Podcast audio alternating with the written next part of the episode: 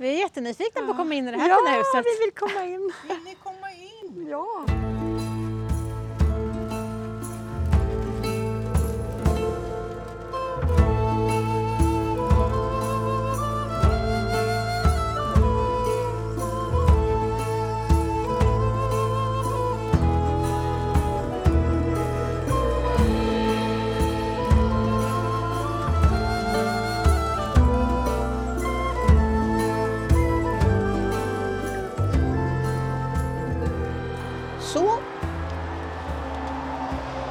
Välkommen in i 1700-talet. Ooh.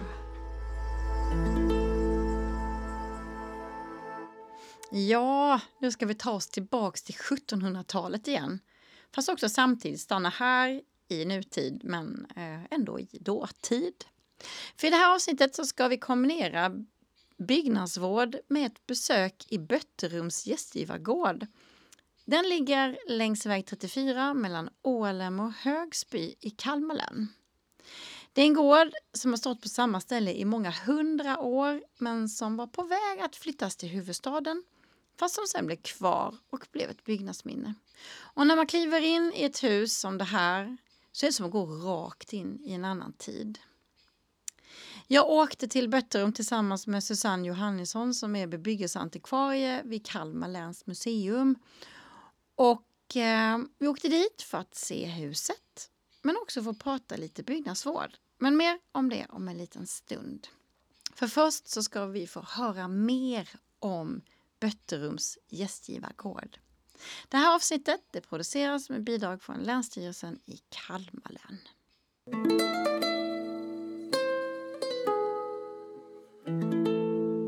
Kolla kök, kolla spisen. Men min gud! Man tänker så här kanske det var ett kök.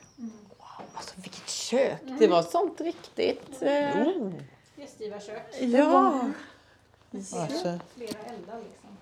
wow. det här var för många nog väldigt mycket lyx att komma hit och få god mat. Ja, tänk vad de stod och hon som ryade och bestämde. Ja, Underbart! och alla pigor hon hade, Ja. Vilket jag tror behövdes.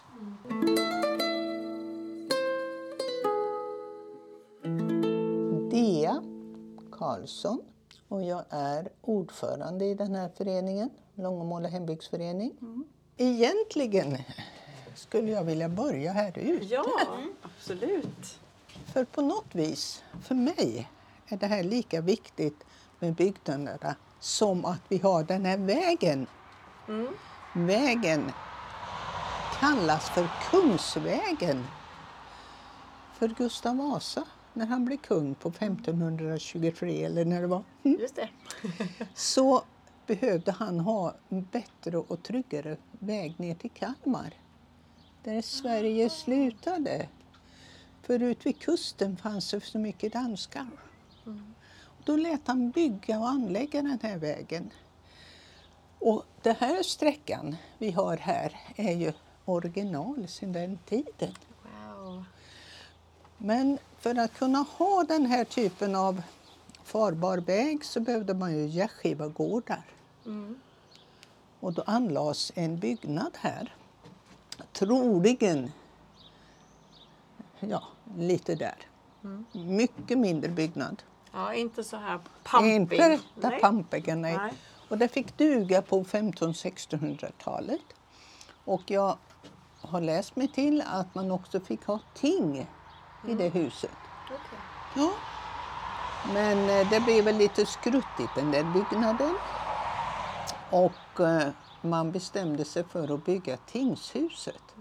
Och det är byggt 1740 någonting. 1742 fick Sverige en ny gästgivarstadga, kanske den hette.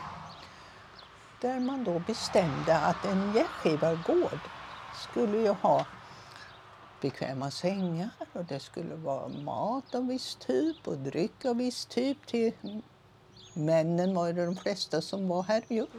Och sen att hästarna skulle skötas om. Så det fanns regler. Vilket år sa du nu? Var 1742. 1742. Och genom det så blev det ju ett, en... Ja, om det blev direkt eller strax därefter blev det byte av ägare. Så det här huset som uppfördes 1753 har ju den bakgrunden att vilja bli lite mer lyxigt. Ja. Ah. Och det tycker jag nog vi kan påstå att det fortfarande kan kännas lite... 70-talslyx. Ja. Ja, om vi skulle ha det här som vi idag har, stjärn, fyra, femstjärniga hotell, så kanske det var femstjärnigt på den tiden. Vad vet jag.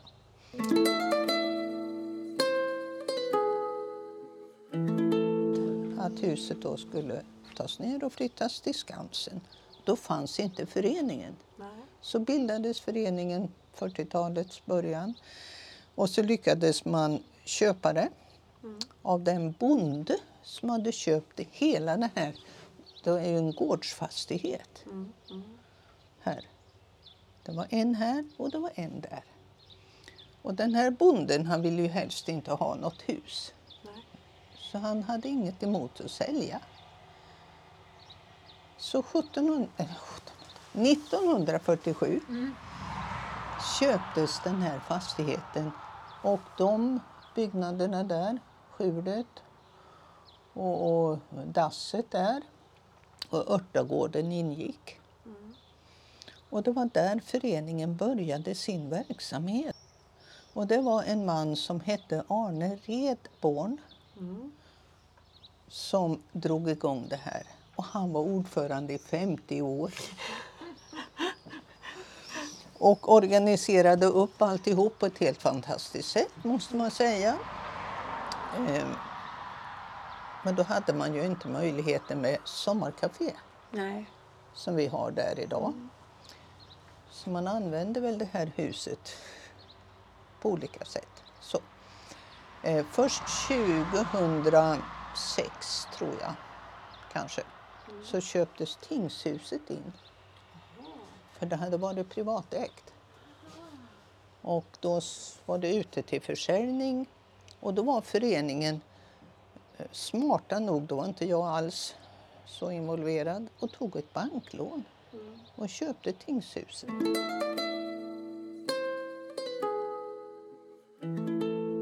ska du få se ett eh, golv som vi tror är unikt. i världen. Wow! Ja, det är ju helt maffigt.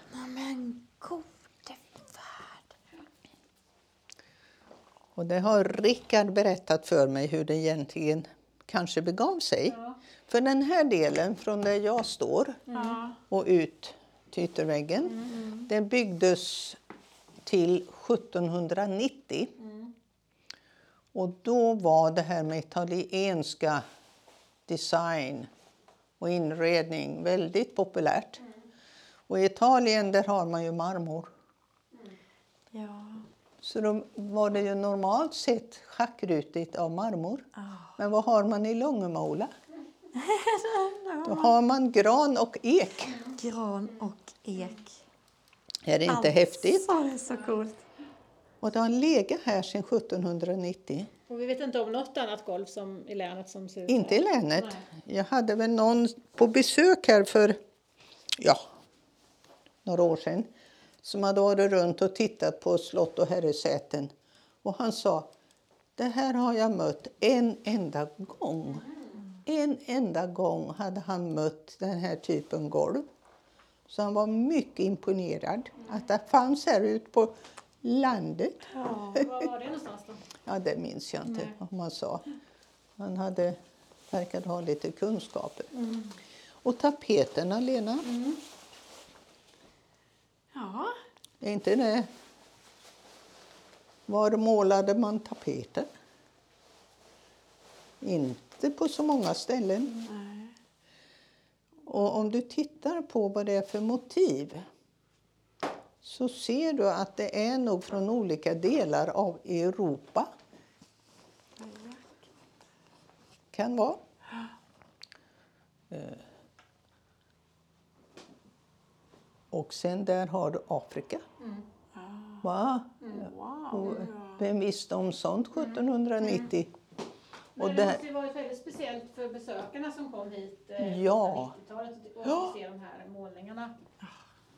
och där är ju Asien. Och det var ju inte många som har sett eh, Eh, mörk, mörkhyade, det visste man ju inte nästan att de fanns.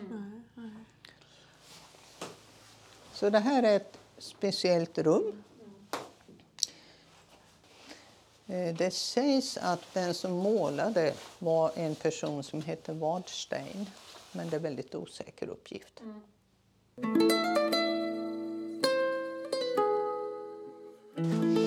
Den där sekretären, den kallar vi här, eller den heter Engströmssekretären. Och du ska få en, en bok av mig som du får läsa och förstå att Engströms var alltså gästgivarägare i flera generationer. Och eh, 1868 upphörde gästgiveriverksamheten här. Då hade tingsförhandlingarna upphört tidigare. Men det fanns två damer, eller ja, familjen hade ju kvar huset. Och den sista som bodde, det var två systrar och den sista hon hette Amanda tror jag. Jag ska visa en bild på henne.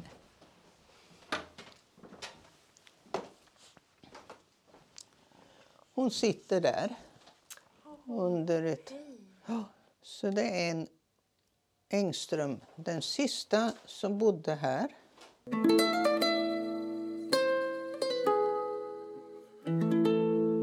När det gällde det här med häst och, och en bonde då, som fick låna ut sin häst så har jag hört berättas att eh, det fanns ju en gästgivargård i Högsby och det fanns en i Ålem. Och då Och fick, var Staby då eller? Nej. ja, intill Staby. Okej. Det var ett hus som inte längre finns. Och då fick ju bonden följa med Ja. För att hämta hem sin häst. För att få hem sin häst. Och om de var fina folk som inte ville att han skulle åka deras vagn, då fick han springa bakom. Ja, exakt så. Vill ni se lite övervåningen? Ja. Sovrummen? Det måste vi. Det måste ni.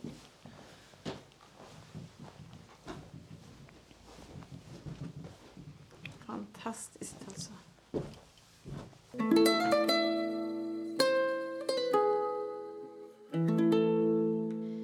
Här säger jag tack till Dia Karlsson som är ordförande i Långamåla hembygdsförening och lämnar den nedkortade rundvandringen för hörni vad det fanns att se. Um, det går inte riktigt att göra den här gården rättvisa i en podcast men med lite bilder på hemsidan så kommer du kunna se både köket, det fantastiska golvet och de unika målningarna. Men för den som verkligen, verkligen trenden på det här med, med gamla byggnader så vill jag tipsa om att den 2 september är det mässa i Bötterums hembygdspark med massa utställare men man kan också få komma in i Bötterums gästgivargård. Ett litet tips bara. Men som sagt ja, på plats med mig i Bötterum var jag också Susanne Johannesson, bebyggelseantikvarie vid Kalmar läns museum. Och när vi gick runt där eh, i Bötterum så snackade vi, ja eller ja, Susanne pratade om byggnadsvård.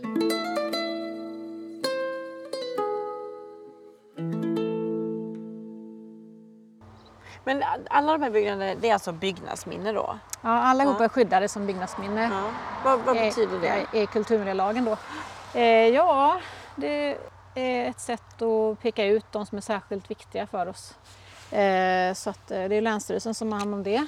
jag tror det är ungefär 150 eller så fastigheter eller så i länet som är det. Det. Så det är inte så, har- det är inte så många så att Nej, säga. Jag har läst någon siffra, 2400 i Sverige. Jaha. Att det ska Mm, finnas. mm. Mm. Så det är ju inte så, så många. Men det, men det här tillhör ett av de mer speciella. Och ett av de äldsta och mest välbevarade gästgiverierna i länet.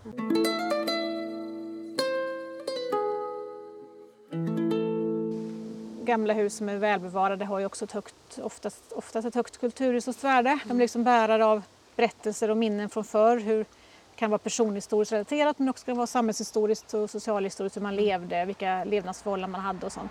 Och det är mycket svårare att läsa en text om hur det var förr Mm. jämfört med att se platsen eller stå på golvet eller se huset som, där detta hände. Ja. Som vi till exempel på andra sidan parken här sa ju att vi hade statarstuga och där bodde alltså statare som, som levde under riktigt dåliga förhållanden ju. Det kan man ju läsa om i många, på många ställen. Eh, och då är det ju viktigt att en sån byggnad finns kvar så att man kan stå utanför den och begrunda och känna efter lite hur det var liksom.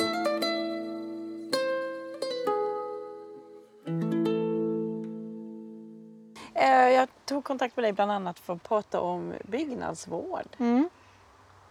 Generellt. Ja. Generellt Ja. eller så. Ja. Ja. Eh, Jag har förstått att du... nej, du brinner för för frågan, ja det gör jag. Vad, vad är byggnadsvård för något? Byggnadsvård är ju att man eh, tar hand om det man har med traditionella metoder och material. Mm. Och de traditionella metoderna och materialen, de vet man ju hur de fungerar för de har vi haft i flera hundra år så man vet ju hur det funkar. Mm. Medan moderna material som man uppfinner efterhand hela tiden och lägger till, då, då blir det nya konsekvenser som man inte räknat med för, man har aldrig, för det är inte utprö- beprövat nog. Liksom. Eh, till exempel att man lägger in tä- olika tätskikt på ställen som man aldrig haft det innan så att fukten eh, tvingas liksom rinna ner längs väggen istället för att ånga ut så att säga. Mm. Så det är ju alltid dumt att tillföra nya saker som man inte vet hur de funkar när man istället kan använda beprövade metoder.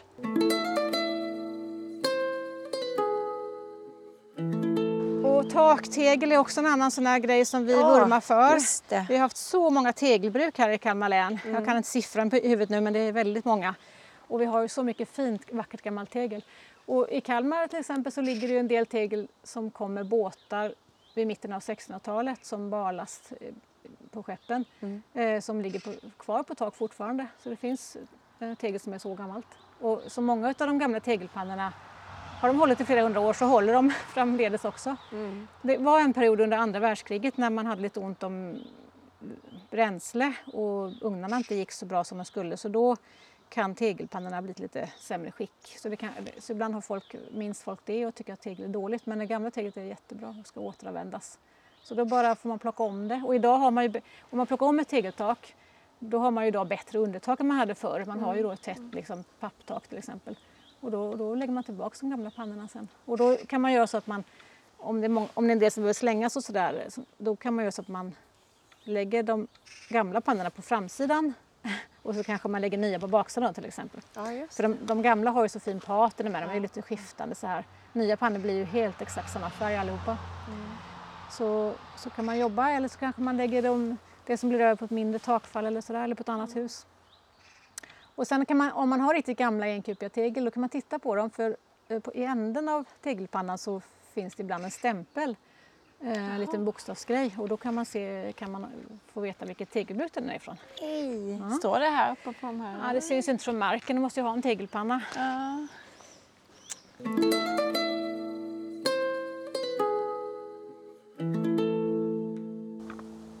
Eh, vad ska vi säga med en byggnadsvård? Vi ska prata om färg också. Ja, just det. På den är det Falu. Ja, det är farlig färg, men det vita Ja. det ska ju vara linoljefärg då på sådana gamla hus. Ja. Ja. Och linoljefärg, det finns ju många liksom, rykten om det, att det skulle vara så dåligt och ha så lång, ta så lång tid på sig att torka och så. Mm. Eh, och det tar ju lite längre tid än plastfärg, men inte så farligt. Och linoljefärg idag i alla fall innehåller ju inga lösningsmedel Nej. så det är inte farligt på det sättet. Och en burk linoljefärg eh, har oftast ungefär 99% torrhalt. Mm. Vilket innebär att när man har målat upp det på väggen så är det, som, så är det allt det som blir kvar. Det kanske har 1% högst av det som avdunstar. Mm. Medan va, många av de vanliga färgerna som folk köper i en vanlig färghandel har kanske så lågt som 35 torrhalt. 35 till 50. Vilket betyder att 50 till 70 procent av det du, du bär hem i burken är vatten som avdunstar. Så det blir inte kvar på väggen.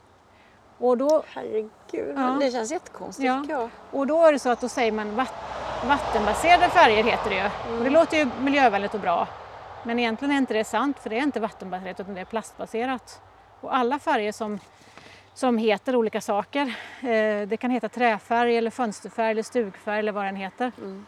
Så är det egentligen plastfärg.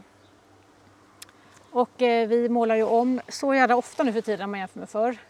Eh, och, och sen så eftersom det är då så kallat vattenbaserat, i alla fall går att skölja penslarna i vatten, så, pens, så sköljer man det i vasken och rinner ut i avloppet. Och all den här plastfärgen som alla människor målar om med hela tiden rinner ut i havet och, och bildar mikroplaster där. Eh, Över 50 procent eh, av, av mikroplasterna i haven är från plastfärg. Usch. Och då äter fiskarna det sen och då tror de att det är all, eh, såna här plankton. Eh, men, och känner sig mätta. Men de blir inte mätta för de svälter ihjäl istället. Och sen äter vi upp fiskarna så får vi i oss det här mikro, eh, i våra blodomlopp har man ju hittat nu ju. Otäckt. Mm. Och jag som har målat så. Men eh, det finns ju traditionella färger som inte innehåller plast. Det finns ju falu rödfärg och det finns ju linoljefärg. Eh, och det finns ju också såna här olika emulsionsfärger eller eh, limfärger eller oljeförsatta limfärger eller så. Den det här finns gamla oljebaserade, den fick man inte ha kvar. linoljefärg ja. Alltså när man målade ute för Ja, olja. det är linoljefärg. Är det linoljefärg? Mm. Mm. Ja, men eh, för länge sedan så innehöll den ett pigment som heter blyvitt som gjorde att det blev en väldigt bra målningsegenskap och det höll bra och, det, och färgen höll kvar på väggen i 50-70 år liksom, eller 80 år. Ja. Eh, och nu får man inte ha blyvitt i längre så det, själva hållbarheten är inte lika lång men ändå ganska bra. Eh, men, och ett, en period på 1900-talet så innehöll det rätt mycket lösningsmedel istället men det gör det inte längre. Nej. Och det finns många märken.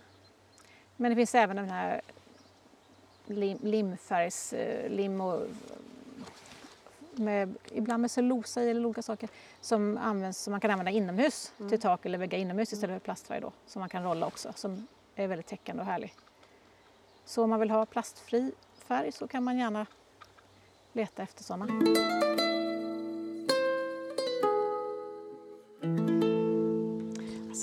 Häftiga väggar. Det här, jag såg att det ser sådär flammigt ut. Vad är det som har hänt här? Eller är det regn? Eller? Ja, där, där, är det att det rinner, där är det lite baklut på, på stuprännan så att det rinner vatten där tyvärr. Så det är sådana grejer. Det är också byggnadsvård.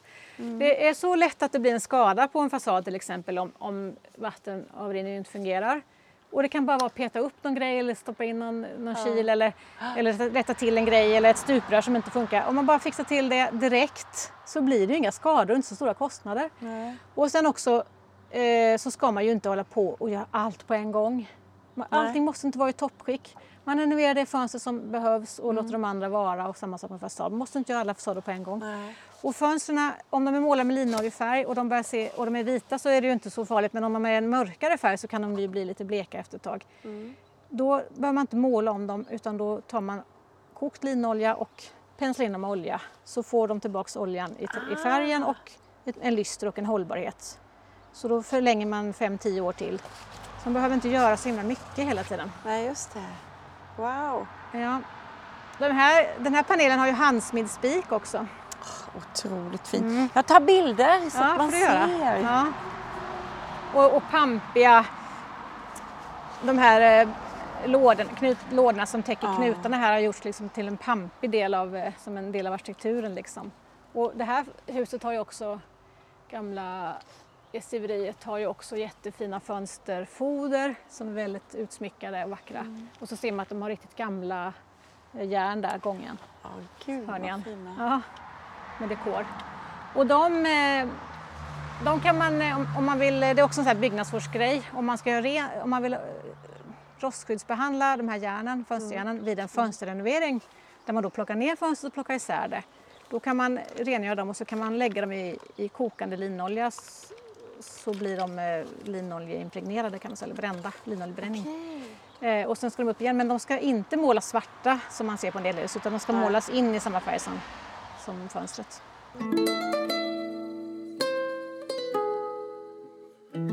Men byggnadsvård, eh, ja det är att göra likadant eh, förutom om någon har gjort någon annan alternativ lösning tidigare som har blivit sämre så att det rinner in vatten eller så. Men förutom det så ska man ju i princip göra likadant. Ju. Och då är det ju otroligt viktigt att man verkligen gör likadant för det är så ofta vi råkar ut att folk säger att det ser likadant ut men det gör ju inte det. Och tar man bort något gammalt så är ju den informationen förlorad för alltid. Liksom. Och i materialet i sig så, så finns ju mycket information att hämta. Dels hur man sammanfogar olika delar, hur det exakt eh, ser ut. vilken, vilken typ av trä det är, eh, vilken, hur man har behandlat träet med olika färger och så. Så det ligger ju mycket information i själva materialet som man inte ska slänga och i vissa fall måste man byta saker och då kanske man ibland till och med ska spara den där grejen på vinden för att, för att den innehåller information som det nya inte har. Så, att säga. Ja, just det. så det beror lite på. Eh, och sen så finns det ju, mm, ja alltså för min del så tycker jag det är så vackert med gamla hus också, gamla fönster. Eh, och så, det, så ser ju jag det. Eh. När det gäller fönster då så är det ju svårt att stå emot den här eh, reklamkampanjerna som väller över oss. Men eh, och alla ska, vill vara duktiga och spara energi och så. Men faktum är att om man byter alla sina fönster på i de flesta villorna, villor som är, för, som är, är från eller 1960-talet i alla fall, eh, då tar det ungefär 40 år innan man eventuellt har sparat in pengar ekonomiskt på det bytet.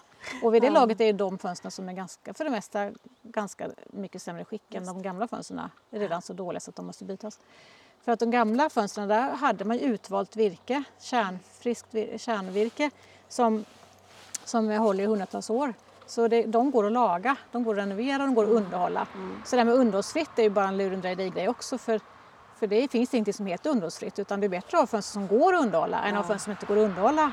För Då måste du byta dem och det är ju inte, alla vill ju också vara miljövänliga liksom och man vill ju jobba med cirkulär ekonomi och, och, och det här med att byta alla fönster i en villa det är ju inte bra för koldioxidutsläppet eller ekonomin eller utseendet eller det kulturhistoriska värdet eller någonting. Eh, så det är ju... Men det är nog inte många som tänker Nej, så. nej. man- och det, det försvinner inte så mycket eh, liksom värme genom fönstren. Eh, däremot så kan man ju se till att tätningslister runt fönstren Mm. är hela och sånt och även dörrar. Eh, det finns sådana saker man kan göra istället. Man måste inte byta hela fönstren. Men om man nu vill säga att man måste byta något fönster? Om man att- måste det. Ja, hur Ja. ska man tänka då? då? Eh, det är ju så olika, man måste titta på varje hus individuellt liksom. Men, eh, men eh, för det mesta gör man ju en kopia av det gamla i så fall. Men man kan ju aldrig få tag i så bra virke nästan som det är i det gamla fönstret så det kommer ju hålla, hålla kortare tid. Eh, men, och sen finns ju så att eh, det var ju väldigt vanligt att gårdar, mangårdsbyggnader och så renoverades efter kriget på 40, fem, kring 1950 ungefär. Jätte, jättemånga hus har ju förändrats då. Då kanske man till och med rev ut lite kakelugnar och spisar och satte in eh, annan värmesystem och, och byggde badrum och sånt. De reducerade köken och så, det förstår man ju. Och då är det jättemånga som också bytte fönster. Eh, och då, då finns det de här typiska 40-talsfönstren som är två utan spröjs då, men, och målade i två färger. Där själva bågen är en färg och själva karmen en annan. så att det ser så här. Men eh, de har ju också en kvalitet. Liksom. Vid det här laget är de så gamla så att de har ett, sitt, sitt värde och de förklarar ju sin tid och berättar en historia. Så man ska vara rädd om dem också.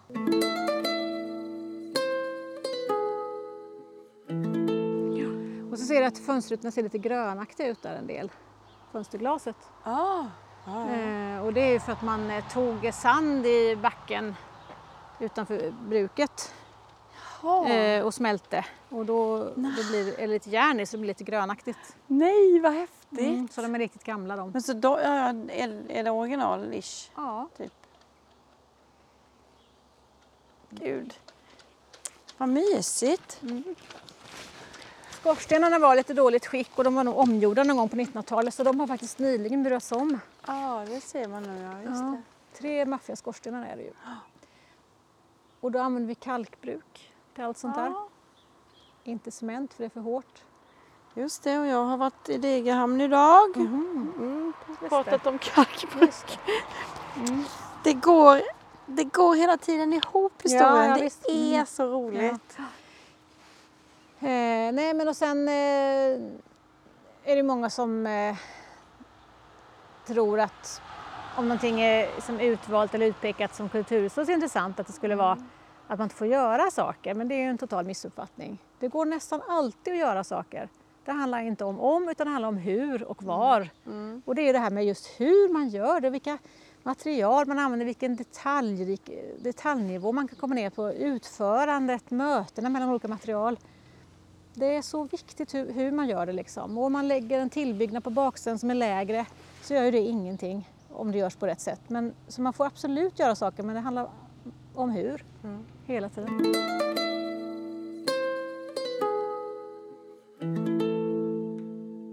En annan missuppfattning som jag hör ofta är att färgen fäster inte på släthyvlat virke och det är ju inte sant heller. Släthyvlat Ja, sa för att alla, allt det som är vitt på gamla hus, fönster, foder, dörrar, vissa paneler, knutar, vad det nu kan vara. Om man går och tittar på gamla hus så ser man ju det. De är ju helt släthyvlade och de är målade med linoljefärg och det fäster på släthyvlat virke. Linoljefärg fäster på plåt till och med. Eh, så man ska inte sätta någon ruffig, flisig sida utåt Nej. på några gamla hus. Varken på panel eller, eller foder eller någonting. Det, det är inte så man gör. Det är inte så man gjorde och det ser jättekonstigt ut. Det kan man göra på sina egna nya hus om man vill men det kan man inte göra på gamla Nej. hus. Men vad, när är ett hus gammalt? Alltså när pratar Alltså vi, kvalitetsmässigt, när börjar vi prata eh, byggnadsvård precis, och så? kvalitetsmässigt liksom när det fortfarande var eh, hyfsat utvalt virke och omsorg om detaljer och kvalitet. Eh, så ungefär 1960-talet. Mm. Mm. Men kan man, ut, ut, kan man utföra byggnadsvård på sina absolut, nya absolut. hus? Sen har vi en annan period som kommer på 70-tal, 60, 70-tal, 80-tal. Eh, då har ju Sverige en expansionsfas såklart eh, och då byggs det jättemycket villor och kataloghus och så. Och de har ju, är ju oftast ganska enkla. nu kommer en gräsklippare också. De är ju oftast ganska, vad ska man säga, de har inte så många detaljer utan de är liksom tegelfasader. Hörs det här nu eller? Ja, Det gör det lite eller?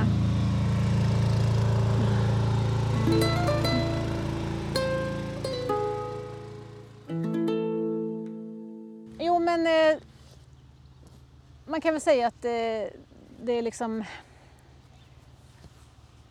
en omsorg om kvaliteten och ett utvalt virke och så fram till ungefär 60-talet. Mm. Och sen blir det lite annorlunda. Men samtidigt så är det ju så att till exempel 70-talet, det byggdes ju jättemycket villor då Mm. i alla orter, i- tätorter i Sverige. Liksom. Och det visar ju på en expansion som Sverige hade då och, och, och liksom berätta samhällshistoria. Och var och en hade tillgång till en egen villa och det var mycket kataloghus och så. ju. Och det är ju också, har ju också, det är också en väldigt spännande och intressant historia. Och de har ju inte lika mycket utsmyckningar kanske man kan säga som en del gamla hus har. Men därför är det desto viktigare det som, det som finns. Och om man tänker en 70-talsvilla, tegelfasad, kanske, kanske panel på gavlarna. Och vad är det som är de gamla detaljerna i en sån, i en sån villa? Jo, det är trappräcket i, i, i järn, järnräcke. Ja, det. Det är en ytterdörr och det är fönster. Och ibland är det någon utsmyckning vid sidan av dörren till exempel och ibland är det något fönster med färgat glas eller sådär. Det är ganska få saker och därför om man byter fönster eller dörr i en 70-talsvilla så förändras ju karaktären ganska mycket. Eh, och då är det inte lika kulturhuset intressant längre. Så det är ju de som Nej, har kvar sina originaldelar som är kulturhuset intressanta. Mm. Och sen kan man tänka sig, om man får man måla sin bruna dörr vit till exempel? Ja, det är ju lite mildare för då, då är det reversibelt. Då kan man ju i princip ta bort den vita färgen i framtiden och få tillbaka det bruna man vill. Men samtidigt så signalerar det någonting annat och om en börjar göra det så vill ju alla göra likadant och till slut har ju hela villakvarteret vita dörrar och då är det ju inte samma karaktär som det var ursprungligen. Nej. Och de ligger ju oftast i, längs ett visst gatustråk eller ett helt område. Så de, de ska ju vara ungefär likadana fast de har vissa variationer då.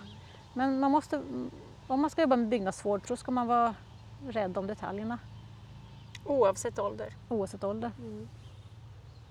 Det är häftigt. Och det är ju, det finns ju såna här, i vår bransch finns det ju de som säger så här. Tänk dig en T-Ford. Du skulle inte få för dig att ta bort dörren på den gamla bilen och sätta in en Toyota-dörr.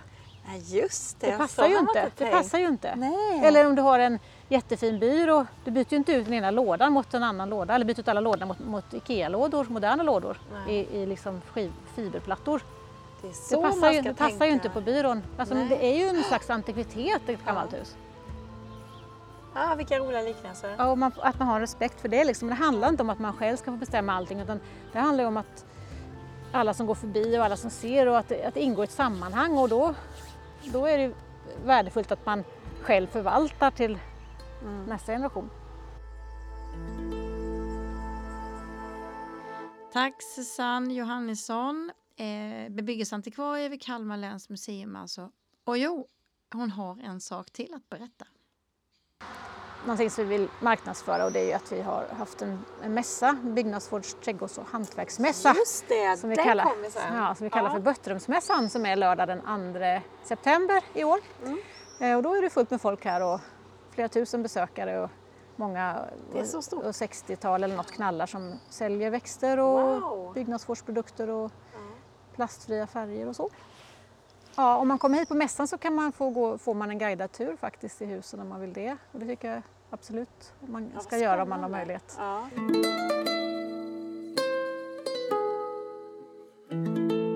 Ja, jag uppmanar dig som gillar gamla hus att passa på att besöka Bötterum. Otroligt häftig plats. Och som vanligt, det här avsnittet produceras med bidrag från Länsstyrelsen i Kalmar län. Och jag som kort och gott säger tack för att du har lyssnat på ännu ett poddavsnitt heter Lena König.